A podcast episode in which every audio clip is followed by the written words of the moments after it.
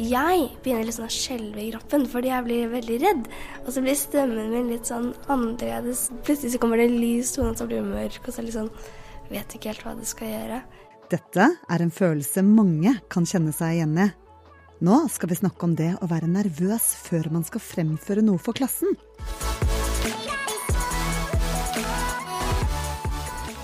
Nå hører du på Juniorrådet, en podkast for barn laget av Aftenposten Junior. Jeg heter Synne, og sammen med meg i studio er helsebroren, som skal gi oss noen råd til hva man kan gjøre hvis man er veldig nervøs. Hallo. Har du vært nervøs før du skal fremføre noe før? Åh, så mange ganger. Å ja. Ja, hvordan er den følelsen? Man blir sånn svett og klam i hendene, eksempel. Man kan kjenne at eh, man blir tørr i munnen.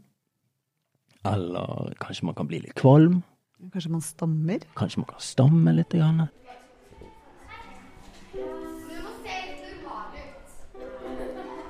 Du blir nervøs, for du tenker at nå skal jeg åpne munnen min, og jeg skal si alt som står på tavla eller på arket. Så er det sånn at jeg begynner å bli sånn eh, eh, liksom Jeg leser, og så ser jeg sånn eh, Som jeg drev og ser på tavla hele tiden og leser. Det er når alle stirrer på deg, og det er sånn De kan på en måte gi deg en sånn rar um, look. OK, det er litt rart det du sier, men hvis noen liksom ler av deg når du gjør, liksom sier noe, og da er man liksom sånn der, Da blir det veldig kleint, og da har man ikke lyst til å stå opp der. Og da tror man at man har gjort noe feil eller noe. Hvis noen ser på deg rart eller noe sånt. Og hva gjør man hvis noen begynner å le mens du prater? F.eks. hvis du har en annen dialekt, og noen ler av den dialekten din, så er det lov å si at det der kan du slutte med.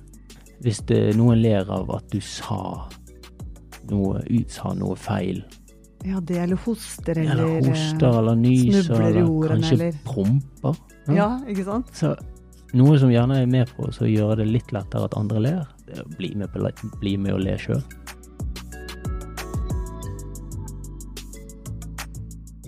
Altså, jeg var så nervøs. Det var det første gang jeg fremførte, og da var det sånn minst 50 folk som stirra på meg der. Og så Jeg husker læreren min var sånn Snakk, snakk! Jeg var sånn Jeg bare stirra på arket. Og så jeg husker jeg, jeg ville gråte og løpe. Og så det jeg gjorde Jeg ledde litt som en gærning. Og sånn Det var det jeg gjorde. Og så alle sammen var Alle syntes så synd på meg. Det verste er jo når folk driver og ser på deg rart, og så du får et vanskelig ord du liksom ikke har lest opp på tavla. Eh, og det er sånn at du tar litt tid at du begynner å lese det, og det er sånn at folk begynner å fnise litt og le litt av deg. Og, sånn, så begynner de å snakke om deg etter timen. Etter Sånn at se, hun der, eller han der sa feil, liksom. Han kan ikke lese. Det er sånn, du blir liksom lei deg inni deg.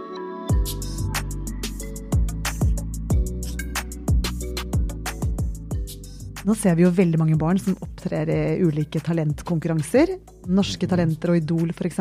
Ja, og så mye på sosiale medier med TikTok og Ja, ikke sant? Og de virker så uredde. Men hvordan takler de nervøsiteten? Og jeg tror For det første så tror jeg det at de har øvd veldig mye. Skal du ha en prestasjon, så er det det å øve. Den siste kvelden før fremføringen, så pleier jeg litt liksom å øve sånn ekstra mye, sånn at jeg skal kunne alle sidene utenat. Det går jo bra hvis man gjør noe feil, men for seg selv så føler man virkelig ikke at det går bra. Jeg føler at, det liksom, at jeg har gjort noe skikkelig dårlig, at det ikke har gått så bra. Hvorfor må barn snakke foran klassen? Det er jo sånn at når du som barn så blir du Du skal trene på ting til du skal bli voksen. Og det er veldig mange situasjoner i voksenlivet, også som ungdom, at man må gjerne stå foran noen og snakke. Kanskje man eh, skal holde en tale.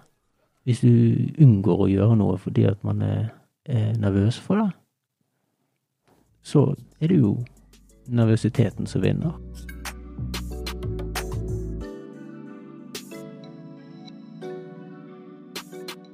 Jeg skulle si noen vitser. I klassen, eller hva? Ja, i klassen, foran klassen, og foreldrene var der.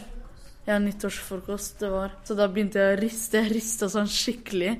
Så arket begynte å lage veldig mye lyd, så da rista jeg. Og så når liksom folk prater til hverandre eller hvisker under presentasjonen, så blir man jo litt sånn, føler man at den presentasjonen man har laget er kjedelig.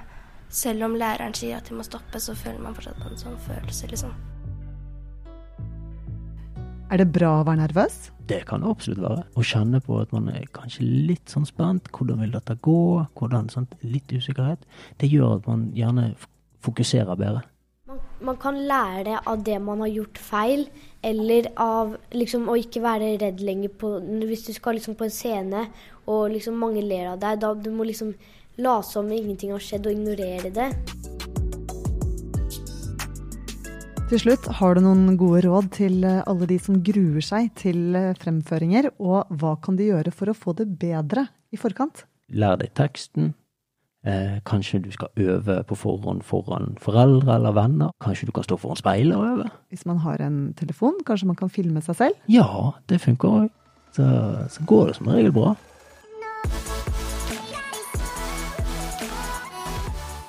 Denne episoden har du hørt elever fra Majorstuen skole og helsebroren Per Arthur Andersen. Jeg heter Synne Søhol. Takk for at du hørte på oss. Håper vi høres igjen.